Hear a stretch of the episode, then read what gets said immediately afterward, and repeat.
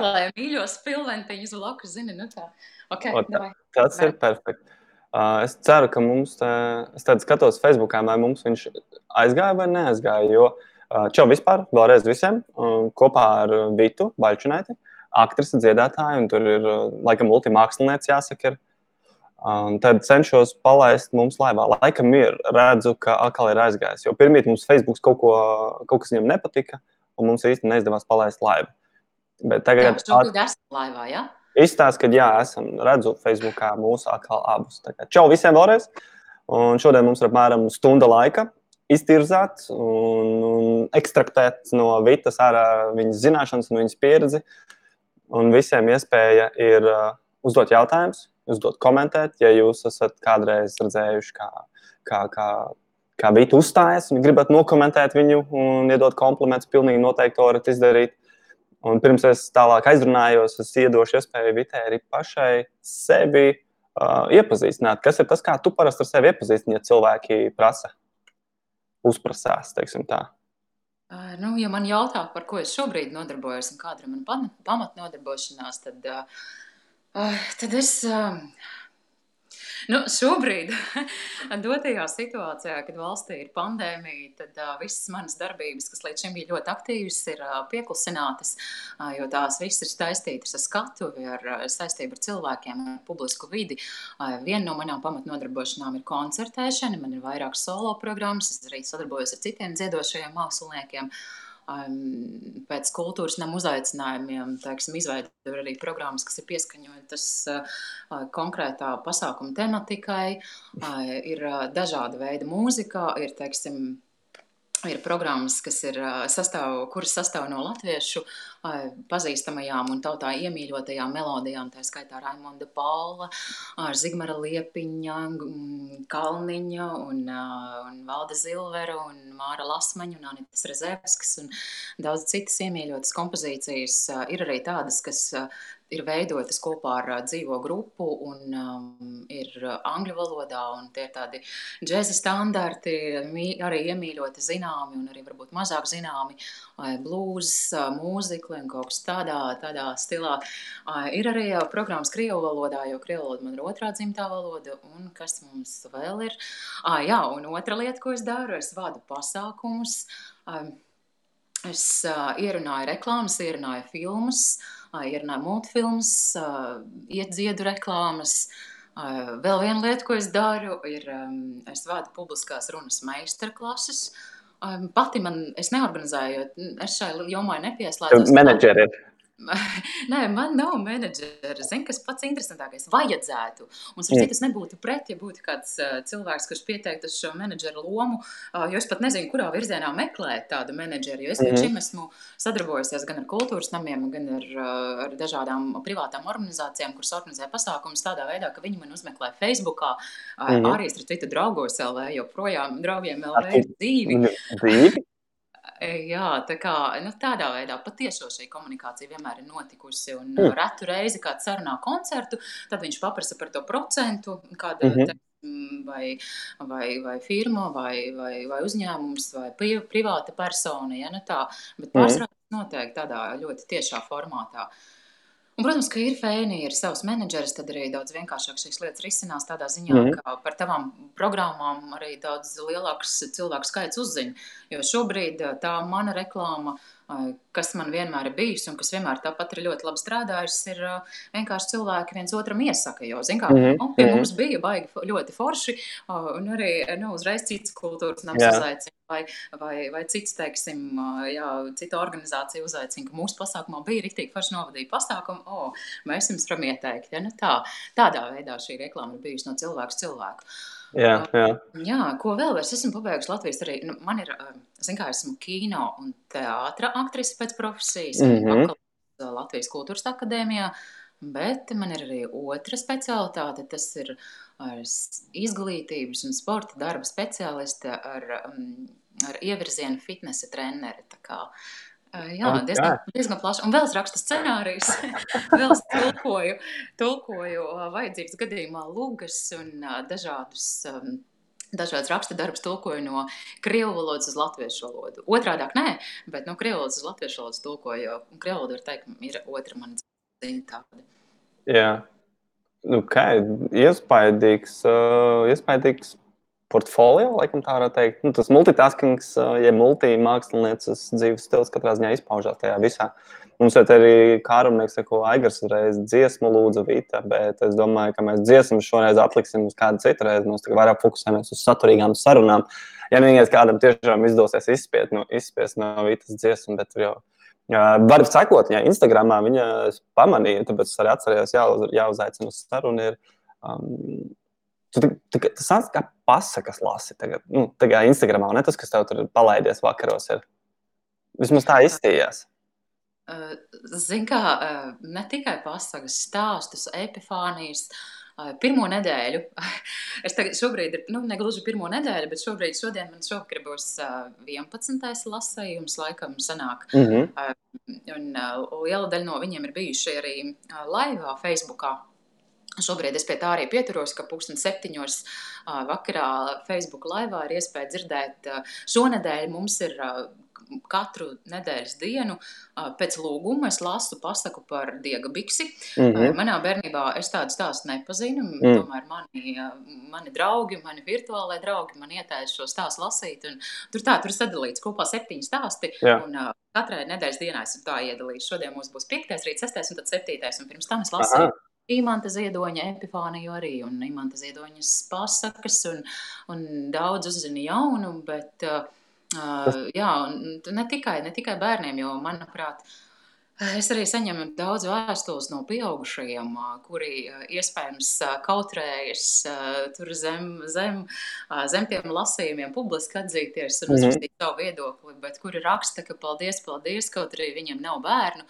Um, gan sievietes, gan vīrieši, gan jaunieši raksta, uh, ka paldies, ka kaut arī viņiem nav bērnu. Viņi labprāt katru vakaru klausās šīs lasītās pasakas un, un padzīvojuši šajās um, jaunības sajūtās. Un, um, un es varu pateikt, ka nav no kā kautrēties, jo jebkurā pasakā, nu, ja ne jebkurā pasakā, bet, uh, teiksim, vērt, tā, saprātīgi uzrakstītās pasakās uh, ir um, vēstījums gan tiem, kuri ir gados jaunāki, gan arī pieaugušos prātam. Tur, tur ir ļoti labas mācības iekļautas. Tas pilnīgi noteikti katrs var atrast kaut kādas paralēlas savilkt ne tikai, nu jā, ne tikai bērniem, bet, bet kā tu saki, jā, kad katrs var savā realitātē atrast to savu odziņu, klausoties. Jo audio grāmatas ir cilvēks, kas laika klausās. Un jā.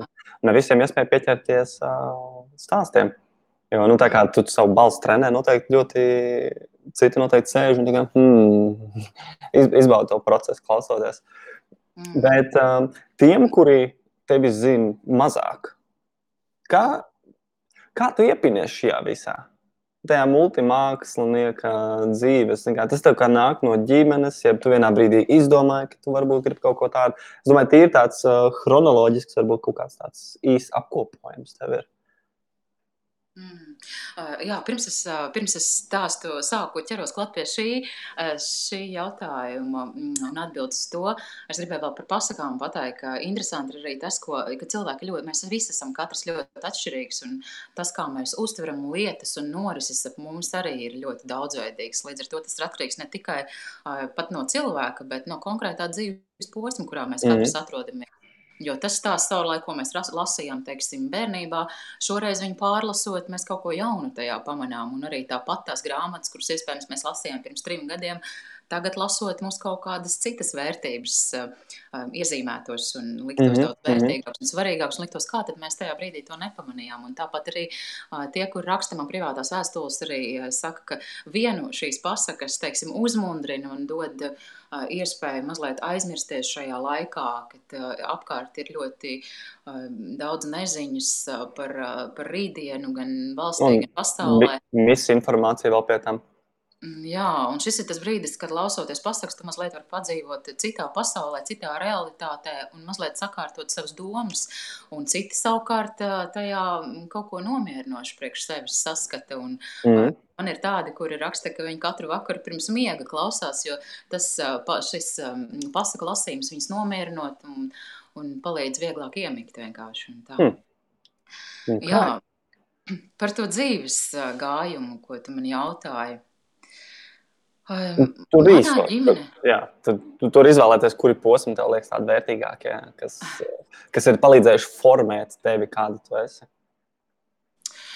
Zini, kā es jau no bērnības, nu, ja, ja sākam no mazām dienām, jo, manuprāt, tieši tas pamats, kādi mēs veidojamies vēlāk, veidojas tieši tajā posmā, kad ā, mēs esam nesen ienākuši šeit uz zemes, šajā pasaulē.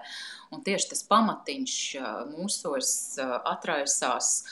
Zini, kā, tas ir tā kā tu iestādi graudiņu zemē, un jo tu vairāk viņu laisti par to rūpēs, jo vairāk viņš ir saulīts apspīdēts, jo vairāk viņš jūtas mīlēts un drošībā. Un ja bērnam kaut kādā ziņā nav bijusi šāda iespēja tādā ģimenes atmosfērā augt, teiksim, un Mhm. veidoties, ā, tad viņam veidojās ar laudas kaut kādas sienas, ā, vai, piemēram, viņam bērnībā daudz ir teikuši, tu to nedrīksti, tu to nevari, un tad tam bērnam veidojas ā, kompleks, un skolā bieži vien skolotāji pat paši neapzinoties, ja, ka ļoti daudz Mm. ir ļoti gudri skolotāji, un, bet ir ļoti atsevišķi tādi piemēri. Es arī pati zinu tādu jaunekli, kuram kuru skolotāja kādreiz nosauca un sauc regulāri klases priekšā par muļķi, un Mm. rezultātā viņam šie kompleksi nāk joprojām pieaugušam Mhm. cilvēkam. Viņš nevar pārkāpt pāri tam, ka viņš jūtas šai dzīvē nepilnvērtīgs un sliktāks par Mm. citiem. Kaut gan patiesībā mums katram vajadzētu justies unikālam un īpašam. Un tāpēc Mhm. arī bērnībā man bija brīnišķīgs paraugs ģimenē, jā, tādā ziņā, ka es augu vienā no nestandarta ģimenēm, es augu kopā ar mammu, bet tāpat laikā man ir bijis brīnišķīgs paraugs, ko nozīmē, ka tev, ka tev ir drošības sajūta, ka tu tiks atbalstīts, saprasts un ka uz tevi paļaujas un tev uzticas arī to pašu mājas darbu pildīšanas ziņā. Ka, un, līdz ar to tu esi kā bērns mm, aicināts šo uzticēšanos nepārkāpt, un tad tu dari visu iespējamo, lai sevi kaut kādā veidā apliecinātu, ar kādu smagu darbu, tad tu viņu gribi iepriecināt vismaz tādā veidā, ka, teiksim, labi mācoties, vai ne? Un skolas laikā Mhm. es tiešām mācījos ļoti labi, man arī mazliet tāds auniskais līderisms bija skolas laikā. Tagad jau tas ir, jo tās pašas horoskopa zīmes, manuprāt, mums katram ir savi plusi un savi mīnusi, un apzinoties savas stiprās puses un savas vājākās puses, mēs varam, teiksim, vairāk sevi ierobežot tajā sliktajā un vairāk sevi izkopt to labo, kas katrā no mums ir Mhm. klātesošs. Mm, Tāpat auniskā impulsīvā daba, kas kādreiz bija, ka ā, mēle pa priekšu, ja, un tikai tad domā, pats, ko es pateicu. Tagad man tā vairs nav, es varu arī mierīgi noklusēt, mierīgi varu nepateikt. Kaut gan, ja es Jā. saku, tad es saku tikai to, ko es domāju, jo, manuprāt, melot vispār nav jēgas. Un, Mhm. um, es cilvē, ar cilvēkiem dzīvē nespēlējos, un es ļoti cienu uh, cilvēkus kā tādus, jo, manuprāt, šajā visuma laukā nekas netiek nepamanīts. Arī tad, ja teiksim, Mhm. kāds cilvēks runā otram cilvēkam aiz muguras, tas ir tas pats, kas tu tam cilvēkam iesistu, bet izdarītu to viņam nezinot. Nu, ja Mm. tu vēlēsies izmainīt attiecības ar to cilvēku, aizēj viņam tieši acīs un pasakot par viņu domā. Ja Mm. tu vēlies celt savu pašapziņu, tad aizej un pasaki tam cilvēkam aiz muguras. Jā, ot kā tas ir labiņš un tas cilvēks ir slikts. Ok. Jā, nu, kas tas ir? Nu, tas nozīmē, ka gļēvs esi tajā situācijā tu. Tāpēc, ja man kāds, kāds kaut ko aiz muguras mēģina aprunāt, es saku, pagaidi. Un es uh, nemaz nemēģinu uzklausīt. Bet man teica, es saku, pagaidi, tu pats zini, kā tur bija. Turklāt, uh, bieži vien cilvēki rada baumas, uh, kādu nolūku vadīti. Skaudība, paša iekšējā nepārliecinātība par sevi. Viņš jūtas daudz pārāks, ka viņš kaut ko sliktu par kādu citu ir pateicis. Ja? Un, um, tāpēc es neticu baumām, es neticu to, tam, ja man kāds par kaut ko aiz muguras saka, un ja man kāds kaut ko saka, tad es radīšu viedokli, veidošu viedokli ne jau par to, par kuru man saka, bet Mm -hmm. par to cilvēku, kurš man saka kaut ko tādu. Tā kā Mhm. es pati veidoju savu viedokli par konkrēto cilvēku. Ja viņš man neko sliktu nav izdarījis, es nevaru viņu pēkšņi sākt neieredzēt vai slikti pret viņu attiekties. Un ir tādi arī Latvijas sabiedrībā cilvēki, par kuriem, teiksim, varbūt nav tas labākais viedoklis, jo mm, to viņš ir cilvēku pievīlis, vēl kādu pievīlis, bet es sadarbojoties ar viņu, viņš man vienmēr eh, ir, teiksim, visu laicīgi, ir, nu, teiksim, kā menedžers kādos pasākumos, visur laicīgi samaksājis, viss ir bijis vienmēr ļoti laicīgi norunāts. Mm. Es tikai labākās lietas varu pateikt par, mm. par to cilvēku no savas puses. Nu, Jā. tā kā, kā pat... es neizplatu baumas. Jā. A, kā tu patiec galā kritiku? Ja mēs aizgājām šo tēmu, nu, es zinu, ka cilvēkus daudz ļoti attur tās kaut kādas iekšējās bailes no kaut kāda darīšanas, jo viņi tik ļoti viņus uztrauc, ko citi domās un ko runās par, par viņiem. Kā, kā tu patiec galā varbūt ar šito? Ziniet, kā kādreiz es ļoti, ļoti pārdzīvoju, jo es esmu no tiem cilvēkiem, kur ir.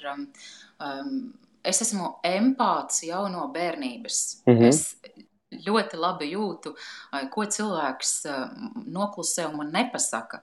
Mm. Teiksim, ja bieži vien arī šobrīd šajā sabiedrībā dzīvojot, es redzu, ka cilvēks runā vienu, un es zinu, ka viņš domā kaut ko citu. Un es domāju, mm -hmm. nu, runā, runā. Nu, ja tu esi izvēlējies tā teikt, nu, es tur neiejaucos. Ja tā nav mana darīšana svešam cilvēkam kaut ko aizrādīt, ja es redzu, nu, ka viņš, teiksim, vai tur kaut ko savu padomājis, vai viņam ir viedoklis par mani. Kaut gan viņš man vispār nezina. Mēs pirmo mm -hmm. tiekamies, teiksim, ja? mm -hmm. un, un, nu, ja viņam ir viedoklis par mani, es nemaz nemēģinu to pārveidot. Ja jau cilvēks ir tik ļoti lētticīgs un tik Jā. ļoti ir ietekmējams viegli, kā, zin, kā, kā diedziņš pa vējiņam. Nu, tā, ka, ja viņam kur, nav pašam savu, iet, savu, savu mm. viedokli, jā, tad es baigi tur arī neiespringstu, es saprotu, ka tur nav jēgas. Un, um, tā, nu, piemēr, piemērs. Man Facebookā, teiksim, jā, bieži vien mm -hmm. kāds raksta un grib iepazīties. Es mm -hmm. vienam cilvēkam uzrakstu, um, teiksim, atbildīju. Paldies, liels! Um, es ļoti novērtēju jūsu uzmanību, bet atvainojiet, es neko nemeklēju, nemeklēju jaunas komunikācijas, nemeklēju attiecības, un lai jums izdodas atrast to, ko, pēc kā jūs ilgojaties, un, un veiksim. Ja, nu, teiksim. Uh -huh, uh -huh. Kādas ir reakcijas? Viens cilvēks man uzrakstījis, teiksim, ka vai paldies, es ļoti, ļoti novērtēju jūsu atklāto viedokli. Tas uh -huh. ir tik jauki, ka mūsdienās ļoti reti sastopas cilvēku, kur runā tik tieši un tik atklātu valodu. Mm -hmm. Turpretī kāds cits. Vai tu esi slavenība, tev ir sakāpis galvā, un sāka pat lamāties jau. Jā. Nu, tad, kā, tas pats teksts abiem cilvēkiem. Mm -hmm. Tā ir uztveres lieta, ko mēs katrā situācijā izvē, izvēlamies saskatīt. Un, um, tas, kas uh, tiek rakstīts teiksim, kaut kur uh, internetā vidē, komentāros, nu, tie cilvēki vienkārši nedzīvo Cit, nu, savu dzīvi. Viņi, viņi ir nelaimīgi tajā savā dzīvē, jo kā gan savādāk to var izskaidrot. Ja cilvēks ir laimīgs, cilvēks dara to, kas viņam patīk, ja viņam ir sakārtota ģimenes dzīve, ja viņam viss izdodas, mm -hmm. viņam vienkārši nav laiks uh, vēl doties uz komentāru, vēl lasīt par citu cilvēku privāto dzīvi. Mm -hmm. vēl, turklāt, nevienmēr tā ir patiesība, ja, jo dažkārt presē tādi brīnumi ir parādījušies, ka es pati kādreiz esmu, esmu tik daudz raudājusi šitā dēļ. Jā, par, par, tas man vairs nav. Par sevi? Nu, kad, par sevi. Nu, piemēram, es tev izstāstīšu piemēru. Teiksim, man ir ierakstīts dueta albums. Jā.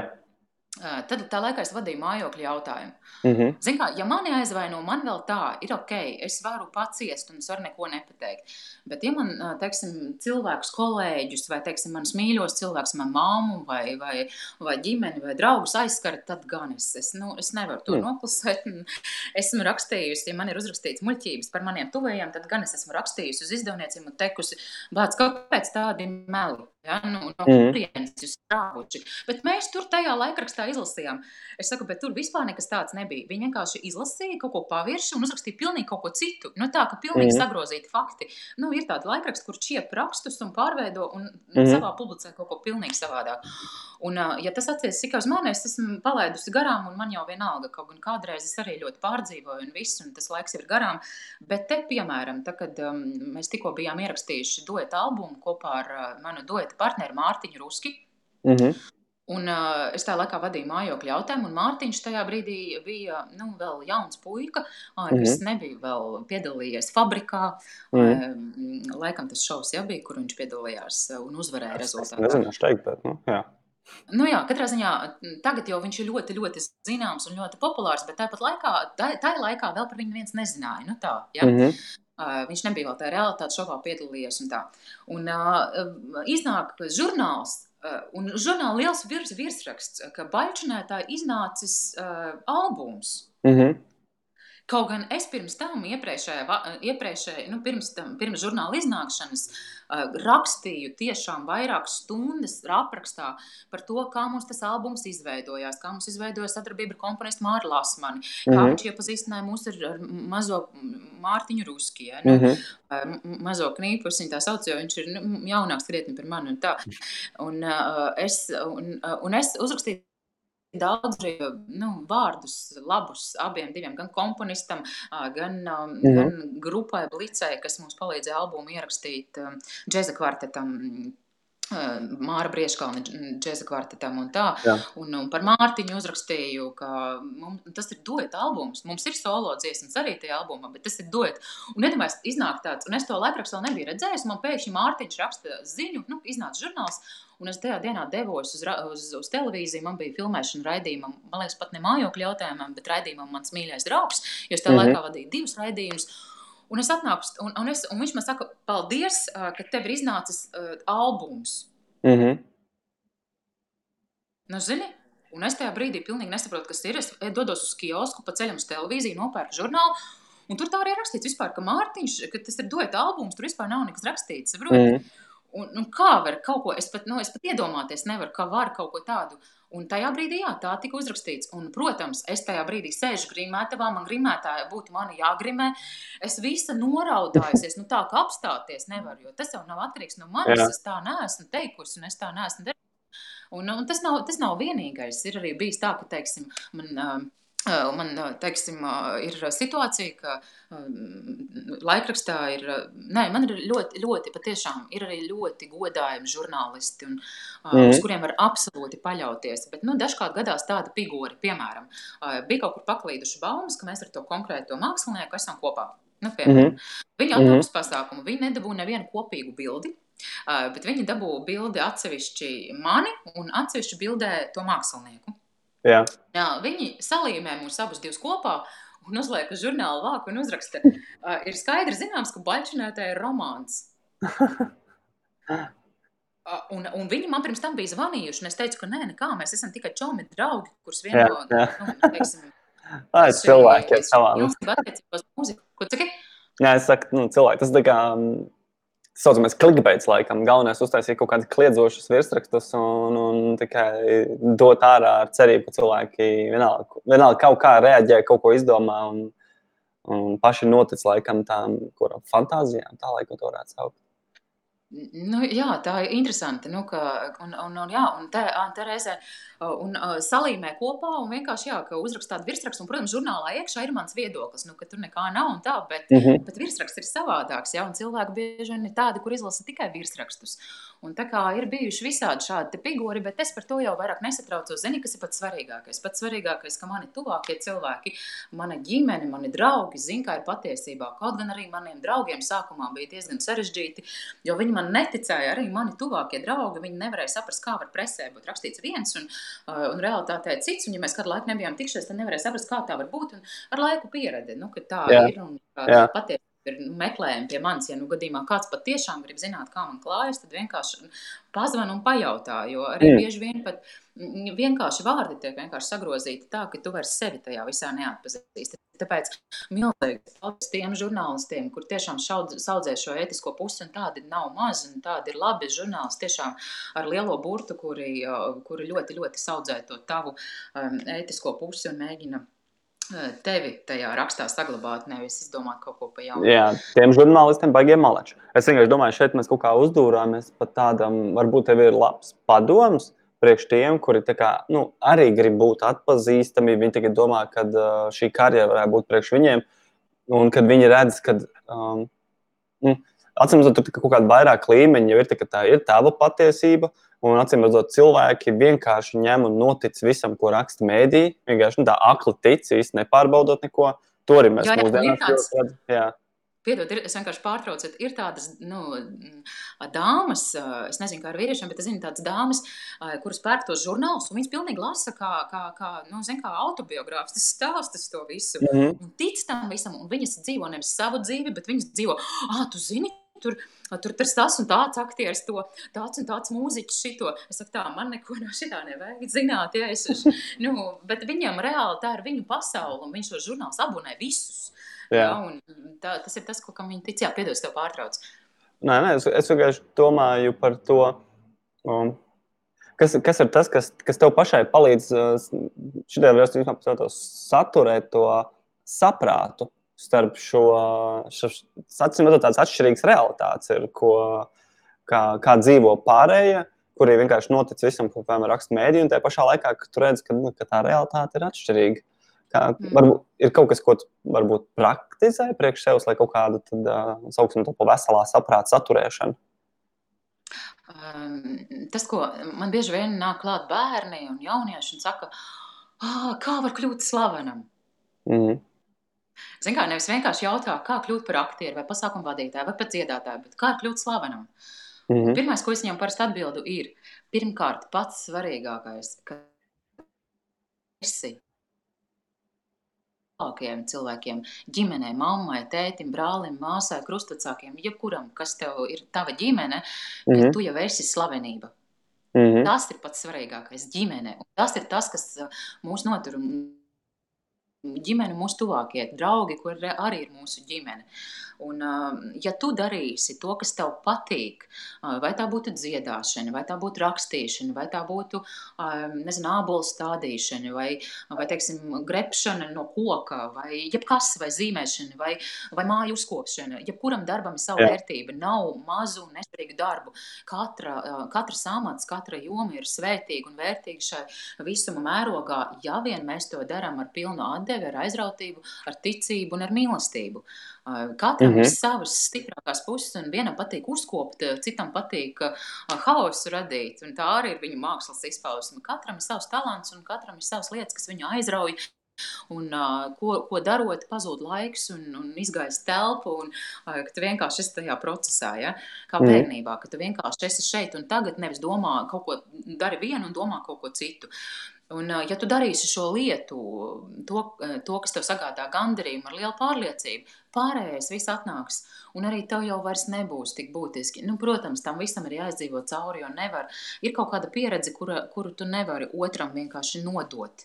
Tā mm -hmm. vienkārši mm -hmm. ir jāizdzīvo. Tu nevari teikt, zini, tur nē, tur ir slidens, un, un tu sasitīsi degunu. Varbūt tam cilvēkam tiešām vienu reizi vajag uz tā ledus uzkāpt un sasist, lai viņš saprastu, kā tas ir.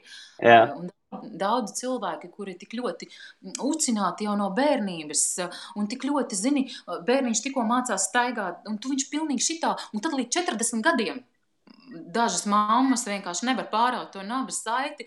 Un tad oh, varbūt te uztaisīt paēst, varbūt, tad, oh, varbūt oh, par karstu, jā, vai par augstu, vai, vai ai, par kartupelīši nav kārtīgi izcepušies. Tev, un bērnam 40 gadi jau.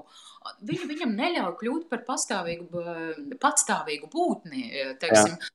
Nu, zūd šis vīrišķais, vai arī sievietes bieži vien baidās atlaist savus dēlus. Un, un tāpēc, ka viņām pašām, teiksim, varbūt kaut kāda iemesla dēļ nav vīrietis līdzās vai vēl kaut ko, vai arī viņas nav paš, pašpietiekamas, un viņas baidās atlaist savus dēlus un, saprast, ka viņš jau ir pieaudzis cilvēks, ka viņam ir sava dzīve, ka viņam ir mhm. tiesības uz savu ģimeni, uz savas personības veidošanu. Bet nē, tu man tur aizvedīsi, tu man tur šo, un tad viņa neļauj viņam. Viņa, viņa mm. zvana pa desmit reizes dienā tam pieaugušajam cilvēkam, viņa nedzīvo ne savu dzīvi, ne viņa dzīvi. Mm. Tāpēc Arī man bija ļoti līdzīga situācija tādā ziņā, ka mana māmiņa. Mm, viņa ļoti, nu, zin kā, viņa man ir viena pati audzinājusi, mm -hmm. un viņa bija ļoti, ļoti pieķērusies.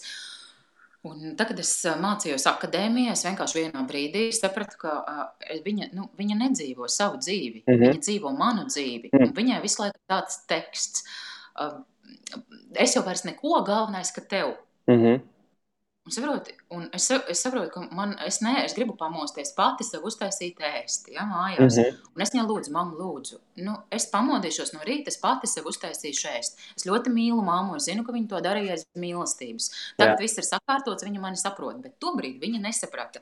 Un es saku, mamma, es gribu pati pamosties no rīta un uztaisīt sev no rīta brokastis. Mm -hmm. Zini, kā tas viss notika? Kādreiz mm -hmm. man gatavoja no rītiem, ko, ko viņa no manis sacītā vēstījuma saprata.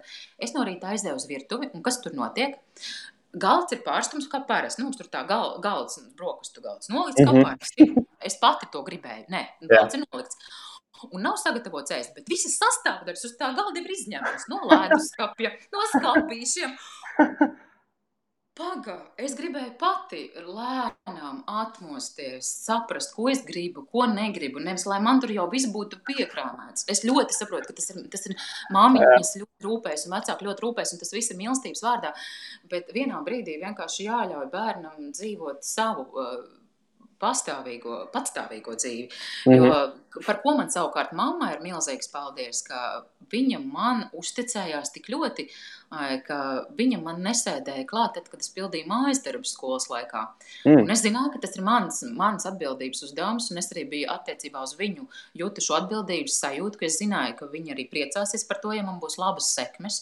Un man Jā. bija arī, ka es arī pirms tam atzīmēju šī jauniskā tāda daba, ka man gribējās arī sev pierādīt un būt kaut kādā ziņā pirmajās tajos topos, un tā arī bija. Es skolā biju, man, man viss tiešām padevās, gan matemātika, gan sacerējuma rakstīšana, gan latviešu valoda, gan, gan sportošana. Kaut gan es ar to nenodarbojos un vispār ikdienā nesportoju, tik un tā tiku sūtīta pārstāvēt skolas rajonu krosu sacensībām, jo manī bija šī um, spītība, nē, bet tāda, zini, tāda ļoti milzīga griba un uh, tāda pacietība, tāds sīkstums. Ja es skrēju krosu, tad es kaut vai noskrēju tos 5 km un aiz līnijas kritu. Tikai aiz līnijas, ja, pilnīgi absolūti bez kā cik dienas trenējos. Bet man bija svarīgi būt pirmajai. Ja? Nu, tā, tādā veidā es uh, jā, šo, šo savu vairs stafetēs, piemēram, piedaloties pārstāvot skolu un arī visur citur rokdarbus darināt. Man mamīte iemācīja tamborēt, un es jau no skolas laikiem, jau no piektās klases, um, man mamīte tamborēja bērnu čabatiņas un bērnu cepurītes un uh, klei, kleitiņas bārbijām uz pārdošanu. Ja? Uh -huh, uh -huh. Es jau no piektās klases viņa man iemācīja tamborēt, un es jau tamborēju tik labi, ka piektajā klasē jau nevarēju atšķirt, ko ir tamborējis mana māmiņa un ko es. Un tad, kad es nesu uz skolu šo savu darinājumu, tad, kad vēl citi tikai mācījās cilpiņas kopā savilkt, es jau čabatiņas bērnu aiznesu uz skolu, un par to lika de, divus desmitnieks, jo nevarēja ticēt, ka bērns to ir izdarījis pats. Tāpat laikā neviens nešaubījās, ka es to patiešām esmu izdarījis pati, jo man visās citās, citos priekšmetos arī bija brīnišķīgas sekmes. Ja? Un es biju tāds bērns, ko, tā, kad man bija 40 grādu temperatūra, manā mamma nevarēja noturēt mājās. Es, man ļoti gribējās iet vienmēr uz skolu, man negribējās iekavēt mācības, un man skolā arī ļoti patika. Ja? Nu, tā, kad tu mm. mācījies, tad tev tur arī ļoti patīk. Un um, mammai bija ļoti grūti. Es arī gāju vadīt koncertus, 40 grādu temperatūru ķīpselā uz lielās skatuves, uh, gan dejoju, gan vadīju koncertus. Uh, nu, tas jau gan laikam vairs nebija pamatskolā. Ko tad? Tas jau gan laikam vairs nebija pamatskolā. Tas bija pamatskolā. Ah, okay. bija vēl, man bija kaut kādi, nu, t, nu pagad, cik tas sanāk, 12 gadi kaut kur, 6. klases, 7. Jā, kaut kas tāds, jā.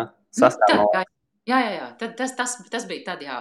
Manā mamma nevarēja vienkārši noturēt. Man bija atbildības sajūta tik milzīga, un tā ir joprojām. Jo, tas man ir no mammas savukārt. Jo es zinu, mm. ka Viņa ļoti čakli vienmēr ir izpildījusi visus savus darbus, un viņa vienmēr, ja kādam apsolta, viņa absolūti noteikti to īstenos. Mm -hmm. un, mhm. uh, viņa vienmēr bijusi ļoti pašaizliedzīga. Un, uh, es savukārt, par ko viņa man šobrīd ir pateicīga, ka es esmu iemācījusi viņai dzīvot savu dzīvi. Jo tad, tad kad vieši, zin kā, es jau aizgāju no viņas, nedzīvoju kopā ar viņu, mm -hmm. mhm. viņai visu laiku gribējās man piezvanīt, un visu laiku arī to darīja. Un, uh, viņa joprojām turpināja dzīvot manu dzīvi. Es jau to jūtu, ka viņa vēl to saikni nav pārausi. Mm -hmm. Tad es mēģināju viņu atgriezt savā dzīvē. Es sāku viņai nest dažādas grāmatas, izzinošās. Un, un viņa man teica, nē, es nelasu grāmatas, man nevajag. Un nevarēja nekādīgi viņu pierunāt. Un tad, kad es viņai teicu, man lūdzu, vienu lapas pusi manis dēļ, nu lūdzu, vienu lapas pusi. Un iedomājieties, nākamajā dienā viņa man zvana un saka, Vitis, mani, kur tev nākamā grāmata? Hmm. Ja? un, Tā. To turēsim mums. Un, uh, viņa man pēkšņi tik ļoti grāmatas kā tādas ir viena no lietām, kas palīdz atmodināt mums katram sevi. Mm -hmm. Un um, arī šo valodu bagātināt, un arī paskatīties uz lietām no citu skatu punkta, uh, izdzīvot vairākas dzīves, ja? ne tikai savējo, tāpat laikā savējo, bet arī mm, teiksim, izzinot arī to, kā, mm, kā šo dzīves ceļu gājuši citi cilvēki. Mm. Un Tas, Mm. tas ir tas veids, kā mēs varam bagātināt. Kā es saku, zin, kā esmu fitnes treneris, un tas ir treniņš uh, arī prātam un arī ķermenim. Un arī, Mm. Tas palīdz arī. mm, Šī vingrošana palīdz arī koncentrēties. Un tie, kuriem saka, ka viņiem nav laika sportošanai, 10, 15 minūtes dienā, es domāju, mēs katrs varam atrast. Un bieži Jā. vien arī pašai. Uh, Es ļoti esmu pēc savas dabas ļoti slinka. Uh, Ja man uh, kāds kaut ko ir palūdzis izdarīt, tad es noteikti darīšu, jo man ir milzīga atbildības sajūta. Un arī visi tie žurnālisti, kuriem man sadarbojas, ja esmu apsolījis atsūtīt rakstu, es rakstīšu pie tevis. Ja? Es rakstīšu, Laikam, rakstu. es domāju, atbraukšu pakaļ jau aizrunājos. Uh, Ja es esmu apsolījis žurnālistam rakstu, es rakstīšu, neskatoties ne uz ko es pildīšu līdz rītam, rakstīšu, bet es uzrakstīšu no rīta viņam iesniegšu, kā esmu solījusi. Mm -hmm. Tāpat arī man skolas laikos bija tā, man bija, zin kā, man bija mācības no rīta līdz vakaram, tad man bija pulciņi ļoti daudz. Un tad bieži vien mājas darbus es pildīju naktī, jo cita laika nebija pēc pulciņiem. Bet es vienmēr no tām superaktīvajām. Ko tad? Tā bija viena no tām superaktīvajām. Tie, kas vienmēr iesaistās visur.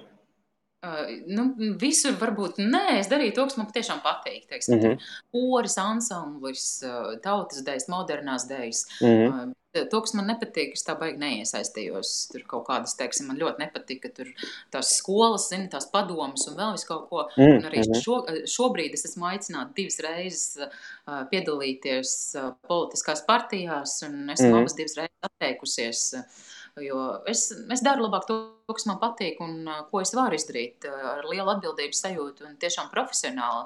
Un es nejaucos tajā, uh, kas man varbūt arī padotos, ja es darītu, bet es to darītu ar sakostiem zobiem. Piemēram, Mhm. man nepatīk organizēt pasākums. Kaut gan es zinu, ka tas man lieliski padodas. Mm -hmm. Bet es to negribu, un es to nedaru. Es labāk dziedu koncertos, rakstu scenārijus, vadu pasākumus, bet neorganizēju. Nu, tā. Mm -hmm. Um, Kaut gan es no jebkāda darba nebaidos, es skolas laikā, vasarās um, strādāju tir tirgū no septiņiem no rīta. Jābūt jau bija pirms tā laika, Mm -hmm. līdz 23. vakarā. Mm Uh, strādāju tirgū, tirgojot augļus un, un ogas. -hmm. Un, Un, zin, kā vakarā noslēdz kāsi, saskaita, kamēr visu, kamēr tur pārlasa ogas, kuras ir sapūšās zemes, kuras tur vēl kaut ko milzīgas kastes, tādas mm. -hmm. dešņi un vēl vis kaut kas, un arbūzi un, un kartupeļi arī pa vidu, un vēl vis kaut kas. Tā kā es no darba nebaidos, tāpat laikā arī mellenes lasītas uz pārdošanu, tā kā tu lasi mellenes no daudz stundas, un vēl vēlāk vakarā eju uz tirgu un pārdot. Tā kā es ne no kāda darba nebaidos, ne no fiziska, ne no kāda, Jā. un vienkārši Uh, kas, at, ja man ir iespēja izvēlēties, tad, protams, es labāk neorganizēju pasākumus, bet, ja ir vajadzības, var arī norganizēt pasākumu. Redzēt, tā cits jautājums. Tu, tu pieminēji par to fitnesu. Tu arī Mhm. trenēji kādu, ja tikai pati trenējies? Nu, tu tikai kā fitnes treneris tagad strādā. Uh, Zini, kā lai, iepriekš, tad, kad vēl nebija sā, sākusies pandēmijas ēra, Mm -hmm. tad es vadīju pasākumus, kā pasākumu vadītāja. Man bija koncertēšana, man bija reklāma ierunāšana un, un vēl vadīju publisko runu meistarklases. Līdz ar to mm Mhm. -hmm. man nebija tāda mm, kā sporta treneris. Pa, pastāvīgam darbam šie laika resursi, jo Mm es varētu to darīt hobiju līmenī dažas reizes nedēļā. -hmm. Bet, ja es strādāju kādā sporta klubā, tad man to vajag darīt regulāri un daudz, pa Jā. vairākiem treniņiem dienā. Un visi tie sporta klubi, kuri man piedāvāja darbu, bija ļoti tālu no manām mājām. Un tā kā es nevadu auto, man ir ļoti grūti piekļūt. Teiksim, mm. -hmm. viens sporta klubs, kur man piedāvāja, man tur 40 minūtes kājām vienā virzienā. Mm Un, -hmm. uh, ja man tur jānovada viens treniņš dienā, teiksim, tas ir šausmīgi. Nu, ja man piedāvātu kaut kur ļoti tuvu pie mājas, es ļoti labprāt, man ļoti patīk Mm. uh, vadīt treniņus tādā ziņā, ka uh, tad, kad es vadīju prakses nodarbības Latvijas Sporta pedagoģijas akadēmijā, tad tie cilvēki, nu, mēs viņus saucam par klientiem, bet patiesībā viņi ir mūsu audzēkņi kaut kādā ziņā, bet ļoti dažāds vecuma posms, jā, tie ir studenti un arī cilvēki gados, teiksim, jau ļoti zolīdos. Un, um, viņi ļoti man arī pēc tam lūdza, lai es turpinu vadīt šos treniņus. Un, bet pagaidām man nav izveidojusies neviena sadarbība ar ar mm -hmm. tuvumā esošu sporta klubu, jo es zinu, ka viņiem jau ir, jau ir pilns tas viņu, uh, viņu tas treneru komplekss. Uh, mm -hmm. jā, ja man -hmm. būtu šī iespēja, jā, es labprāt hobija līmenī arī kā treneris vadītu treniņus, uh, jā. gan privātos, gan grupu treniņus. Mm -hmm. Tas, ko pati daru, darīju prakses laikā, man ir tādi ar tādu body and mind, pašas izstrādāti treniņu kompleksi, bišķiņi ar jogas elementiem, mm -hmm. ar spēka vingrojumiem, ar, ar izturības, ar kardio. Es parasti mēģinu tos treniņus pielāgot. Man nepatīk tāda treniņu sistēma, kur jau tev ir jau neatkarīgi no apstākļiem, neatkarīgi no tā, kas tev tajā dienā atnāk, ja? kādi cilvēki, kāda sagatavotas līmenī, sagatavošanas līmenis, sagatavotības līmenis. Jā. Tev vienalga ir jānovada tas savs treniņš. Ja? Mm -hmm. No mhm. A līdz B, no A līdz Z, ja? un tas treniņš ir iestudēts iepriekš. Un mhm. neatkarīgi mm -hmm. no tā, kas tev ir atnācis, tev jānovada tieši tāds treniņš, kāds tas treniņš. Man patīk darīt tā, ka es to treniņu pielāgot, jā. -hmm. jā, es skatos, kādi man cilvēki ir atnākuši. Es skatos, kāds ir vidējais sagatavotības līmenis. Jā, lai ir gan, gan tiem labi, gan tiem labi, un mēģinu arī tas pakāpes dažādot, lai tur, teiksim, viens ir atvieglināts. Jā, jūs, ja jūs nevarat izpildīt šādu, dariet tā. Ja jūs, -hmm. ja jūs gribat jau nākamo līmeni un jūtat, ka jūsu ķermenis to var atļauties, tad dariet mm. šādi. Jā, nu, teiksim, brūtības pakāpes. Un man patīk improvizēt, un arī skatos, kad es vadu pasākumus, tie, kur man sadarbojas, viņi zina, zinu, ka es, es atradīšu, kurā brīdī, ko par konkrēto lietu pateikt. Man galvenais vajag pieturas punktus un pārējais noimprovizēšanu. Tāpat arī rakstu scenārijas pasākumiem. Un, un tas ir tas, ko es daru. Tā kā. Nu, nu, tās, um, visiem tie, kas klausās, mēs. Um, Kāds klausās? Pagaidiet, skatos. Mums ir kaut kādas, laikam, desmit acis paralēli tagad vēl virsū. Ir. Un, um, mēs tam būtībā pēdējās nākušās, nākušās, ja pēdējās 15 minūtes ir iespējas arī daudz vairāk uzdot jautājumus un komentārus. Uh, Vitai patiešām mēģinās, viņa mēģinās atbildēt jautājumus un centīšos palīdzēt mums noturēt kaut kā arī, lai mums izdodas atbildēt, ja jums būs. Bet, ja nebūs, man ir um, ārpus kā, mans jautājums par um, par piemēram, uzstāšanos, baiļu pārvarēšanu. Jo zinu, ka daudz noteikti gribētu gan publiski uzstāties, gan runāt. Kas ir varbūt tavi kaut kādi top ieteikumi, ko tu, ko tu, ko tu labprāt gribētu nodot uh, šiem jauniešiem vai cilvēkiem, kuri, kuri, kuri gribētu vairāk uzstāties? Mm. Vadot publiskās runas meistarklases, viens no šiem pamatjautājumiem ir, kā tikt galā ar stresu. Mm. Un, uh, es arī parasti cilvēkiem atbildu, jo cilvēki domā, uh, ka stress tas ir kaut kas slikts, ka tas ir kaut kas pretdabisks, ka uh, tas attiec tikai uz viņiem, ka citi cilvēki neuztrauc, ka viņi ir vienīgie tādi. Bet es vienmēr atbildu tā, ir ļoti labi. Tātad, ja jūs uztraucaties, viss ir kārtībā nozīmē, ka jums nav viena alga, ka jums rūp jūsu auditorija, tā ir liela atbildības sajūta, kur uz jūsu pleciem un tā. Un uh, bieži vien um, cilvēki baidās kļūdīties divu iemeslu dēļ. Viņi baidās mm -hmm. izkāsties. Tas ir tāds mm -hmm. uh, ego aizsargmehānisms, uh, ka viņi baidās sevi slikti parādīt, ko par mani padomās, to, ko tu pirms tam jautāji. Un otrs ir tas, ka viņi baidās, um, teiksim, ka tā viņu informācija varētu kādam ne, nebūt interesanta, mm -hmm. vai ka viņi var ne, neizstāstīt pietiekami. Teiksim, viņi mm -hmm. vairāk rūpēs par to savu auditoriju. Mm -hmm. Bet, ja kurā gadījumā uztraukums tā ir dabiska lieta, un par to nevajadzētu savukārt mēģināt uztraukties. Un, Tad no uztraukuma nevajadzētu tikt vaļā. Eh, es nezinu, kā to var mazināt, mēģināt. Eh, jo arī, mm -hmm. pat, eh, arī manā gadījumā man ir skatuves pieredze jau no pirmās klases, kad es uzvarēju dzējoļu konkursā, ko tu proti, ieguvu galveno mm -hmm. balvu. Ja? Kopš tā laika skolā vadīju vienmēr pasākumus. Un, mm -hmm. un man vienmēr bija milzīgs uztraukums. Un es gan kā, novadīju pasākumu, pieteicu programmu, novadīju pasākumu, nu, pieteicu dalībniekus, pati uzkrēju, skatos, nodejoju tautas dēļas, pati atkal pieteicu, pati iegāju korī, nodziedāju, pati atkal pieteicu, norunāju dzējoli, vai viena, vai maniem bija tādi divi brāļi, mums diviņi, ar kuriem norunāju dzējoli, vai pati norunāju dzējoli, atkal pieteicu programmu, tad nodejojot. Man kāds palīdzēja uzvilkt moderno deju kleitu, kamēr tur bija kaut kur nodejoja modernās dejas Un tā, tā es visu laiku, tādi man bija koncerti. Un tad es biju tāda maza meitenīte ar tādu milzīgu mapi. Un es atceros, cik ļoti toreiz baidījos kļūdīties. Es, es tajā map, mapē vienkārši ieorbusies biju, jo man bija jāvada arī lielie deju skates pasākumi skolā, kas bija sadraudzība ar mm -hmm. dažādiem citiem rajonu, citām rajonu skolām. Un tad tie bija ļoti atbildīgi svētki. Tie bija nevis tikai skolas svētki, bet arī mm -hmm. lielie tādi. Ja? Un tas bija vienmēr šausmīgi uztrauksies, neskatoties to, ka man bija jau šī lielā pieredze, jo skatus bija bieži. Šobrīd man arī tā, ka es pirms katras uzstāšanās vairāk vai mazāk uztraucos. Ir kaut kāds reizes, kad es neuztraucos, bet uztraukums ir ļoti labi, jo tas da, da, nu, tādu dabīgo nerviņu saglabā. Kā savukārt var mazināt šo uztraukumu? Ja tev ir, teiksim, ir ļoti dažādas. Tās auditorijas un mm -hmm. dažādas situācijas. Ir viena mazā, teiksim, šī tikšanās reize, kad tev ir, teiksim, darba pārunas, mm -hmm. ir maza auditorija, cilvēks viens uz viens, tad ir tāda pavisam tāda intīma auditorija, tad ir tāda lielāka auditorija, ka, teiksim, ir, nu, teiksim, istabas lieluma, ka tur, teiksim, desmit cilvēki un tur ir viens, ja, teiksim, mm -hmm. darbinieki, tu un attiecības tu un darbinieki. Un ir tāda pavisam liela auditorija, ka tu esi, teiksim, lektors un mm -hmm. tu stāvi milzīgas auditorijas priekšā.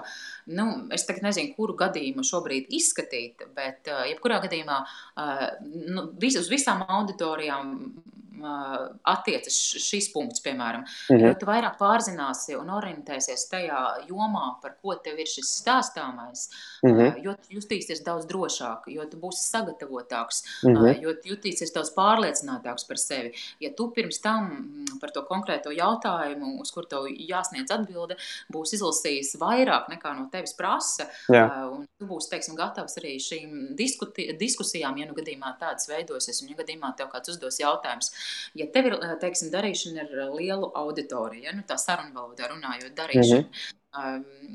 Teiksim, arī daudz grāmatas lasot, tev ir iespēja arī paplašināt savu vārdu krājumu, kas ir arī paver tev lielāku iespēju arī izteikties daudz, daudz saprotamāk un uztveramāk un pielāgot savu mm -hmm. valodu un stāstījumu konkrētiem cilvēkiem. Ja tev, teiksim, ir milzīga auditorija, un tev ir jāstāsta, nu, teiksim, tu esi lektors. Ja? Protams, viena no lietām, kas palīdz, ir vienmēr šie slaidi. Tu vari saprast, mm -hmm. pieturas punktus, pie kuriem pieturēties. Vēl ir viena lieta, ko var joprojām izmantot. Man pašai personīgi vislabāk patīk. Es nevienmēr uzticos, jo vienmēr tehnika kaut kas var notikt. Ja? Mm -hmm. Bet, teiksim, ir iespēja arī sarakstīt, un tas nav nekas slikts. Ir iespēja uzrakstīt uz teiksim, mapītē, glītā, nevis uz mazas papīra lapiņas. Mm -hmm. ja? Izvilkt ārā. Protams, ir arī šīs pieredzes jautājums. Šī pieredze krājas ar darīšanu. Tāpēc arī, ja kāds teiksim, pārmet mūsu valsts amatpersonai augstu stāvošai, ka cilvēks ir ļoti satraukts jau un nevar neko pateikt, viņam vienkārši cilvēkam nav šī pieredze. Un šo pieredzi ir, jā, var arī trenēt. Teiksim, arī šajos lekciju ciklos un šajās nodarbībās ir iespēja to praktizēt, ir iespēja nofilmēt no malas, pašam izanalizēt, ir mm -hmm. iespēja to darīt kopā ar pasniedzēju, ir iespēja rīkot publiskā publiskās nodarbības, kur visi, teiksim, uzstājas pēc kārtas, vēlāk visi kopā analizē to cilvēku. Tas ir tas, ko es arī nu, daru un arī Jā. palīdzu trenēt arī mūsu artikulācijas aparātu, balsi un dikciju. Un tam arī ir savi vingrinājumi. Ja? Tieši tāpat tā kā mēs dodamies sporta klubu, lai trenētu uh, savus locītavus, uh, izkustinātu, lai trenētu savus muskuļus. Uh, un, un, un, savu organismu, kā nu, fiziski. Tieši tāpat ir iespēja trenēt arī mūsu, mm -hmm. mūsu artikulācijas aparātu, arī fiziski. Tam visam ir vingrinājumi gan balsī, gan, gan, gan, gan žoklim, gan lūpām, gan mēlē. Jā. Nu, tam visam ir tā, tā ja, ja, ja mēs tā proporcionāli. Pados. Ko ciki? Ja mēs tā proporcionāli pastamies uz laiku, cik daudz tu vēl piemēram, sagatavoties un cik daudz tieši ir tas piemēram, uzstāšanās laiks? Uh, Kā, kā tev apmēram sanāk proporcionāli? Es vēl bišķiņu papildinot svarīgas lietas. Zini kā, es varu fiksi, fiksi pieslēgt mobilo telefonu lādētāju. Man liekas, ka man tulīt izlaiž skatos procentiem, ka man tulīt, viņš tulīt, tulīt aizmigs. Tagad tulīt, tulīt. Jā. Es steidzos, jā. Viss vis kārtībā, te pārējiem ir arī atelpas brīdis, ja jums ir. No manas, manas spraigās runāšanas. Atelpa, jā. Ir iespēja pierakstīt kādu komentāru vai jautājumu. Pirms mums, pirms mums tiešraide finišējās. Ja mums ir apmēram vēl nepilns desmit minūtes, mēs vēl kopā ar Vitu parunāsimies. Un, jā. Un šeit mums vienkārši iespēja ir izspiest bezmaksas padomus, kas, ir, kas ir ļoti vērtīgi, ja mēs, protams, izmantot šādu tipu iespējas. Par bezmaksas padomiem. Tātad svarīgās lietas.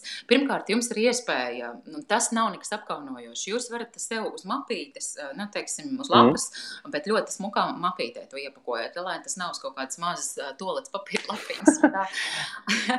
lai tas izskatās galīti un pieņemami. Jums ir iespēja uzrakstīt pieturus punktus, mm. kas ir svarīgākie, kurus jūs vēlaties akcentēt un uzsvērt savu runu. Protams, tam visam ir arī katrai runai savu struktūru, un par tām struktūrām es arī savās meistara klasē es stāstu, bet šobrīd mums mm. tam nav laika. Mm, vienkārši jums ir iespēja uzrakstīt. Pirmkārt, cilvēki bieži vien uztraukumā aizmirst arī savu vārdu.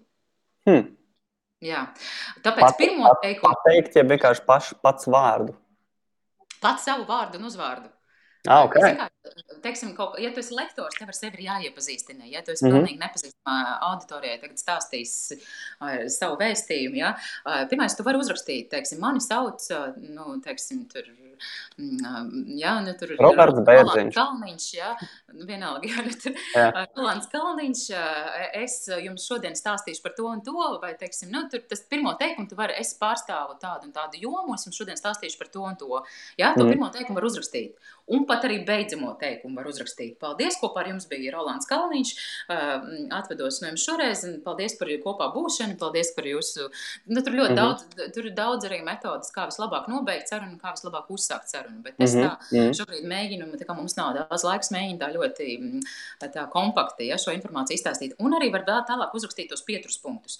Mm -hmm. Ko es neiesaku rakstīt? Es neiesaku uzrakstīt pilnīgi visu savu runu, yeah. uh, neierakstu, nes, neiesaku iemācīties uh, no galvas visu.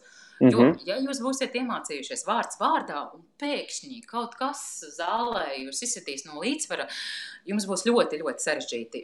Mēģiniet saviem vārdiem, mēģiniet atstāstīt kaut vai, nezinu, mājās sēdošam kaķim, ja jums nav, teiksim, otra cilvēka, kuram to visu varētu atstāstīt saviem vārdiem. Ja? Patrenēties šīs lietas, noteikti jātrenēs normāli. Ja nav šīs pieredzes, tad to pieredzi kaut kādā veidā ir jāgūst. Varat uzaicināt draugus sev mājās.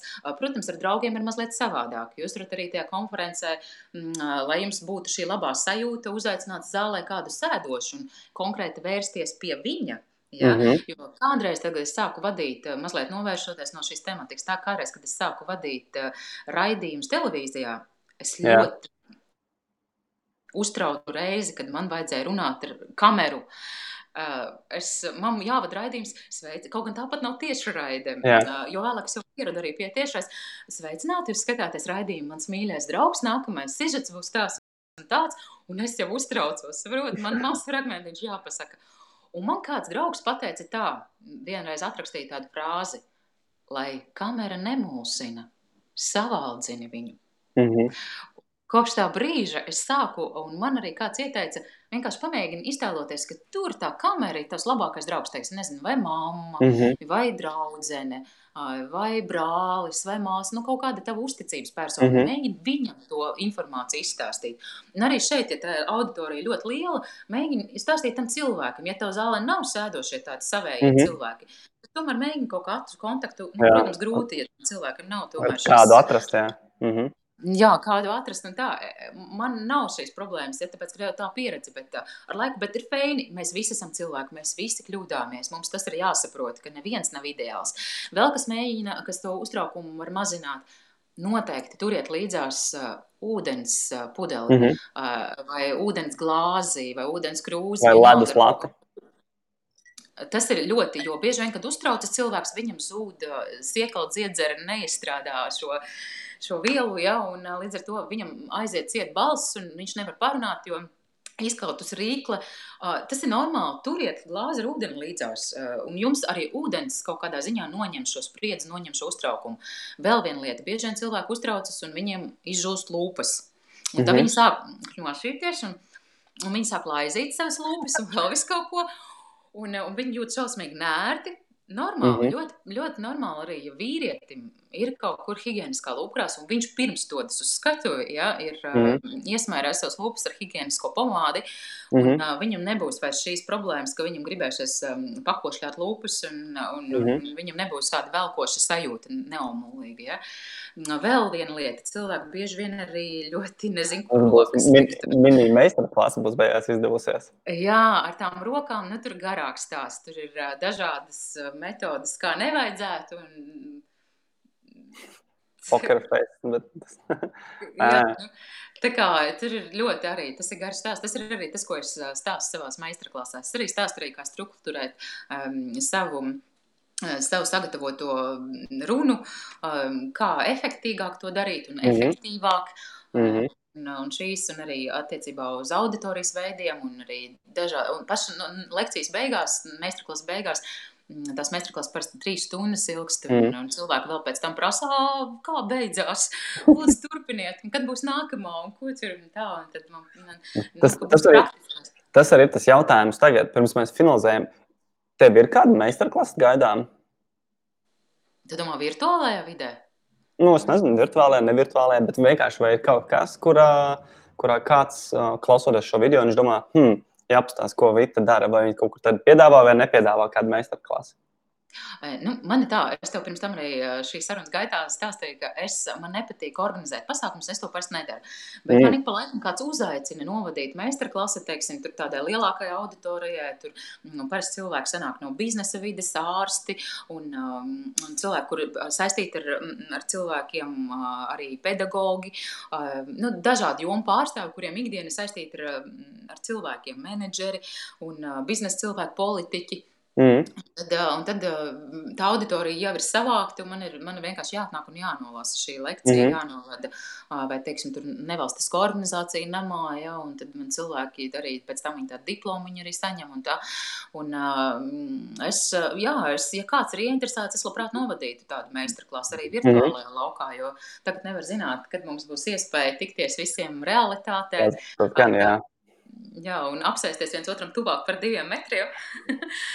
un, jā. Tā kā, jā, es arī tādā veidā, un, protams, arī, kas attiec uz runas lietām, katram šīs lietas ir savādākas. Teiksim, man vienā meistarklasē pienāca klāt jauneklis un saka, jūs man varētu varbūt palīdzēt kaut ko runu, vai man kaut kas nav kārtībā, es īsti nezinu, man it kā viss labi. Es saku, un es to jaunekli zinu, jo viņš strādāja pie mums televīzijā. Viņš vienkārši atnāca, tāpēc viņš sen nebija man saticis. Viņam gribējās man satikt. Tā, viņš vispār nenojauta, ka viņam kaut kas nav kārtībā ar runu. Viņam to nekad neviens nebija pateicis. Un, nu, mums tā nebija kopā sadarbība LNT, mm. ietvaros, kad strādāja, bet viņš tur strādāja savā jomā, vienkārši gaitiņos. Zin kā, čau, čau, pa, pa laikam kaut kur tieks un tā. Un tad viņš bija atnācis, un es saku, klausies, kā būtu, ja tu vienkārši mēģinātu Jo viņš runā šādā veidā, un mhm. cilvēkam mm -hmm. jau ir ap 40, varbūt, varbūt vēl nav nu, gadi. Ja? Mm. Un viņš pat nevar iedomāties, ka es viņam saku, kā būtu, ja tu attaisītu muti vienkārši vaļā runājot. Un viņš saka, un cilvēkam tiešām 40 gadi, un viņš nekad nebija iedomājies, ka viņam, nu, viņam nekad to neviens nebija pateicis, ka viņam mutē jāvar vaļā runājot.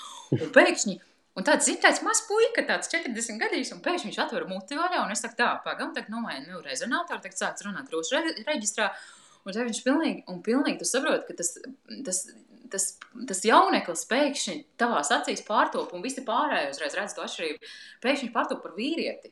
Mhm. Viņš, viņš pilnīgi nostādīta balss, atver muti vaļā un jau sāk runāt arī nu, daudz formīgāk un daudz mm -hmm. pārliecināt par sevi. Un tā runa vairs neveidojas tāda, zini, un tāda. Viņš vairs neteica, nu, tas ir arī tas ir viens no instrumentiem, kā mēs varam komunicēt. Ar, Jā ar auditoriju. Arī viens no veidiem, ka teiksim, cilvēks bieži vien nonāk milzīgas auditorijas priekšā, viņš atnāk sakumpis, um, skatiens mm -hmm. nolaists, vārdi viņam nobirst. Vārdi viņam nobirst tepat, nu, tur teiksim, jā, un, un, un visu, un Viņam ka viss kārtībā. Un tur pirmās divas, trīs rindas dzird, un nākamās jau vispār nedzird. Un viņš tur acīs nevienu neskatās, viņš pats uz sevi runā, un tās trīs lekcijas, un pārējie visi miega ciet tur vienkārši. Vai, zin kā, ir tādi pasniedzēji, kas tur, nu, viņš jau nesaprot, ka viņam vajadzētu iz, izslēgties taisni, vajadzētu pacelt zodu augšā ar pārliecību, ieskatīties acīs auditorijai. Un ir tādi pasniedzēji, kuri tagad nesaprot, kā sasniegt auditoriju savu, un viņš tagad tā runāt! Es tev teicu to! Un, te, un saprotu, šis arī nevar dzirdēt. Un cilvēki, nu, ja tu runā krūšu reģistrā, tad tu vairāk tiek uztverts, tiec uztverts nopietnāk. Ja? Tagad, es tagad runāju, aizver muti! Zini, un, un, un tas cilvēks nesaprot, kas ar viņu nav kārtībā. Visi sēž savos mobilos telefonos, neviens neklausās, ko viņš stāsta. Ne jau tāpēc, ka nav interesanti. Tāpēc, ka tas veids, kā, kā nu, ka viņš tur pats kautrēs no tā, ko viņš saka, ka viņš tur tāds zina, ienāk un, un viņam kaut ko viņš saka tik vērtīgas lietas, jā, tur, un, bet neviens viņu nesadzird. Un man tā gribētos pateikt, bet es esmu arī tajā brīdī, esmu tikai students, un ko tad es viņam varu teikt, un es zinu, ka viņš apvainosies, un es viņam tā nevaru nākt klāt un teikt, ziniet, varbūt varētu savādāk runāt. Un tā. Un, Mm, mm. Jā, tā kā citi dažādos reģistros, da, nu, dažādos rezonatoros savas balss ir ievietojuši. Tas viss ir. Un tā, ka tu to visu redzi un saproti, un, protams, ir arī vēl viena lieta, mm, ka pareizi veidot teikumus. Šo savu valodu jāformulēt. Oh, tagad skatos mm. jau pāri mūsu laikam, jā? mēs arī, mēs arī, jā, es domāju, mēs varam finišēt. Bet man tāds, mm, vienkārši, bet laikam smags jautājums, kā nu kurš atbild, ir, uh, Es citreiz lieku cilvēkiem iedomāties, ka, nu, ja, ja viņiem nav bērni, tad, ja viņiem būtu, vai ja kāds maziņais pienāk, kurš sāk uzdot to dzīves jē, jēgvilu no jautājumu, kas ir dzīve? Nu, dzīve. Tu jautā šobrīd cilvēkam, kura vārds tulkojumā nozīmē dzīve. Jo vita tulkojumā ir dzīve. Uh, Manuprāt, esība kā tāda, nu, redz, šis ir tāds ilgstošāks, ilgstošāks jautājums, kurš ietver sevi garu atbildi.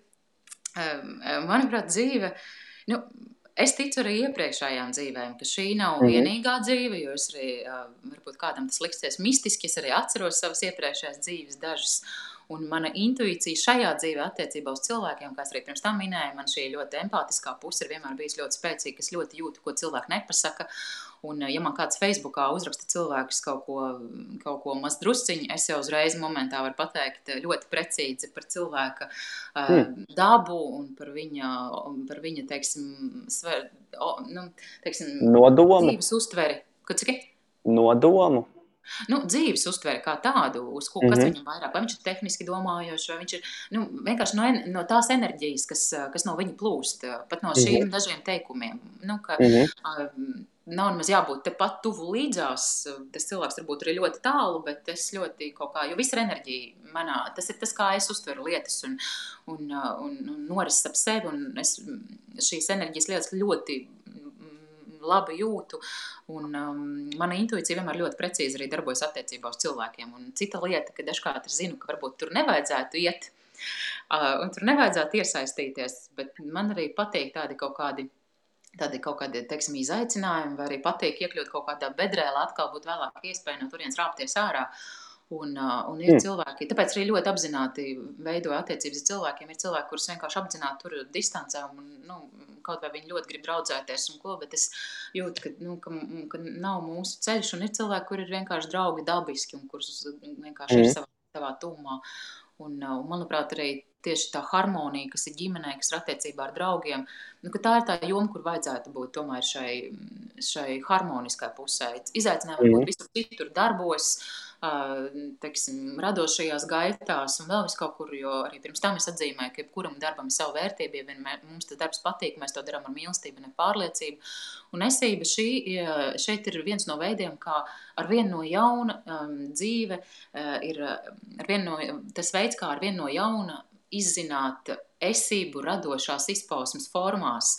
Mm -hmm. Šī tā pieredze, ko mēs šeit izdzīvojam, uh, Teiksim, ja es atceros savas iepriekšējās dzīves, ja man kāds jautā, kāpēc man šajā dzīvē nav bērni, es uzskatu, ka mums katrā dzīvē ir savi uzdevumi. Un, Un iespējams, arī pat neiespējams, bet tā arī ir bijis, ka es līdz šim nebiju satikusi vienkārši cilvēku, varbūt, no kur man gribētu šo bērnu. Ja? Mm -hmm ir atsevišķi arī cits stāsts, ka man ir bijušas, zinu, citas savas dzīves un pieredzes, kur man ir bijuši daudz bērni, un, mm. uh, un arī kuras esmu bijusi arī vīrietis un vēl kaut ko, un, un vēl kaut kas, un es zinu, ka ļoti daudziem tas, ko es šobrīd stāstu, ir pilnīgs misticisms, un viņi domā, ka esmu pilnīgi kuku, uh, un tas ir normāli, tas ir normāli, zin kā, es nevienam neuzspiežu savu patiesību, tā, mūsu pasaule ir tā pasaule, kurai mēs ticam, mm -hmm. tas, ko es šobrīd stāstu, tā ir mana pasaule, es neuzspiežu tev savu savus uzskatus, un es jau ceru, ka arī man neuzspiedīs ar varu neviens savas lietas. Jā. Ja? Uh, bet uh, esība kā tāda, manā skatījumā, ir pieredze, uh, jebkurā situācijā mūsu uzdevums ir, manuprāt, uh, ja ir tāds uzdevums nosaudzēt šo harmoniju attiecībā uz visām iesaistītajām pusēm, neatkarīgi no apstākļiem. Mm -hmm. Tas ir mūsu uzdevums. Uh, jo bieži vien cilvēks domā, ka vaina ir citos cilvēkos, bet viņš nepamana pats savas kļūdas. Ka mm -hmm. mūsu attieksme jau ir tā, kas uh, nosaka, kāds patiesībā tas notikums. Viens tajā notikumā var, iz, var redzēt, saskatīt traģēdiju, bet cits uh, var saskatīt, uh, teiksim, pārmaiņu laiku, iespēju uh, pārkārtoties, un nav nejaušību, uh, nekas nav gaistošs. Šīs reinkarnācijas uh, nekas ne, nebeidzas, ne, ne, viss ir vienmēr esošs. Mēs vienkārši mainām šo savu eksistēšanas formu. Forma mainās. Uh, un, uh, viss turpinās. Jā, Jā. tā kā, tā kā viss, viss, viss, viss, viss notiek. Galvenais uzdevums tiešām pēc iespējas dzīvot saskaņā ar sevi, jo tikai tad, kad mēs, tikai tad, kad mēs pieņemam sevi, mēs iemīlam sevi tādu, kāds mēs esam, mēs patiešām varam pieņemt arī otru cilvēku, nebakstot viņu, nepārmetot viņam, uh, nemēģinot viņu, viņu pārveidot un, un teiksim, pēc savas izpratnes, bet pieņemt viņu tieši tādu, kāds viņš ir, ar visiem saviem plusiem un mīnusiem, jo mums katrā ir gan, gan negatīvais, gan pozitīvais jautājums, kuru no tām pusēm mēs katru dienu sevi izkopjam, un, mm -hmm. un, un nevajag noliegt sevi šīs melnās puses, te, kad mēs kaut ko noliedzam, mēs redzam sev jaunas problēmas, un, kā mm -hmm. es saku, nav jau problēmas ir izaicinājumi, ja? mm -hmm. bet tad, tad mēs iemācāmies mēs arī citus cilvēkus pieņemt. Un, ja mēs pieņemam to cilvēku, kāds viņš ir, tad uh, neviļus tam cilvēkam. Uh, ja, ja viņš jūt, ka mēs attiecībā uz viņu esam ar dvēseli un sirdi, neviļus tam cilvēkam gribas kļūt labākam. Jo mm, arī par savām attiecībām, kas man ir bijušas, es varu pateikt tikai labākos vārdus tādā ziņā, ka uh, tie, tās attiecības, kas man ir bijušas, cilvēki vienkārši kļuvuši tiešām daudz labāk. Ne jau tāpēc, ka es viņiem esmu teikusi, tā, tu tagad nedrīkst darīt to, nedrīkst darīt to. Viņi paši vienkārši, viņam tā gribējās. Viņi saprot, teiksim, nu, man bija attiecības, teiksim, ilgu laiku, ka cilvēkam, teiksim, garšoja alkohols. Es pati arī lietoju alkoholu. Es nesaku, ka tas, slik, ka tas ir kaut kas slikts un noliedzošs, jo tas ir viens no veidiem, kā var, teiksim, man ir bijis tā, ka man trīs gadus neprasās alkoholu. Bet te pēkšņi man prasās, un es tev neliedzu. Ja? Vai divus gadus neprasās alkoholu, vai pusotru gadu neprasās alkoholu. Bet, ja man gribas, tad es iedzeru. Jo alkohols viens no veidiem, kā cilvēks var noņemt savu spriedzi un stresu. Zin, mm. kā, ir tādi cilvēki, kuri nelieto alkoholu un saka, jā, viens, kāpēc tu dzer? Tu esi nu, cūka, tu nedrīksti dzert tagad un lietot apreibinošas vielas, tāpēc, ka es nelietoju. Kādām tiesībām tu lieto?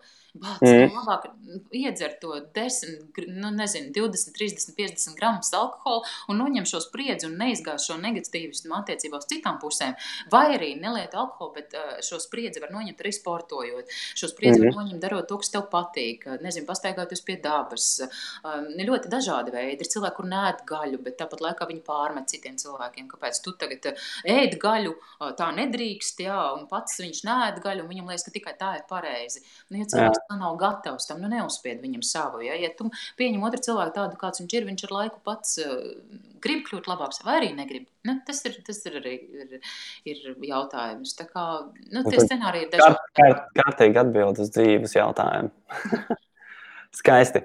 Uh, Vita, paldies tev, kad uh, atvēlēji laiku atvēlēja savus padomus un mini meistarklasi par uzstāšanos kā tādu uztaisīja. Um, es ceru, ka arī, kas mums klausījās un klausīsies pēc tam arī ieraksts, būs uh, pietiekoši interesants un vērtīgi. Jautājums, es zinu, ka Facebookā jau vai komentārs jūs droši vien varat pierakstīt arī pēc tam, jo Facebook jau paziņo, kad kaut kas jauns pierakstīts klāts, un uh, mēs jau pēc tam arī varam atbildēt vēl pēc tam un vēlāk. Uh, visiem malačiem, kad turaties, kad domājat līdzi, nekrītat panikā, un līderi, ko meklējāt, varat arī pēc tam, mums arī Kristīna Kode uzrakstījusi, arī paldies. Uh, Paldies, tev, ka klausies, ka biji kopā ar mums. Un šodien mēs arī finalizējam. Mm. Cerams, ka bija noderīgi, lai, lai veiksmīgs, pacietības un izturības piepildītu šis laiks. Un atcerieties, ka viss mainās, un galvenais šīm pārmaiņām pielāgoties. Vienam cilvēkam iespējams šajā laikā ir um, iespēja rast, teiksim, sevi atraisīt šīs cilvēcīgās kvalitātes. Pabūt kopā ar ģimeni, ieraudzīt, ka šīs ir tās vērtības, nevis dzīties pakaļ kaut kādām materiālajām lietām, bet saprast, ka patiesās vērtības jau tepat pie mums līdzās, līdzās esošajos cilvēkos. Un citiem cilvēkiem savukārt, kuri jau šīs vērtības ir apzinājušies, iespējams, ka viņiem ir savukārt izaicinājums um, rast pielāgošanās veidu pārkvalificēties. Ja, teiksim, ļoti daudzās jomās strādājuši cilvēki ir palikuši bez darba, iespējams, ka šis ir tas laiks, kad mēs varam rast kādus jaunus dzīves uzdevumus, jaunas darbības sfēras. Mm -hmm. Izzināt, un katram, jā, katram savu uzdevumu, katram izaicinājumu savi. Tā kā lai mums harmonisks, mīlestības un, un iedvesmas piepildīts šis laiks šodien un katru dienu. Pilnībā piekrītu. Labi. Visiem ekscelentu vakaru un dzīvi!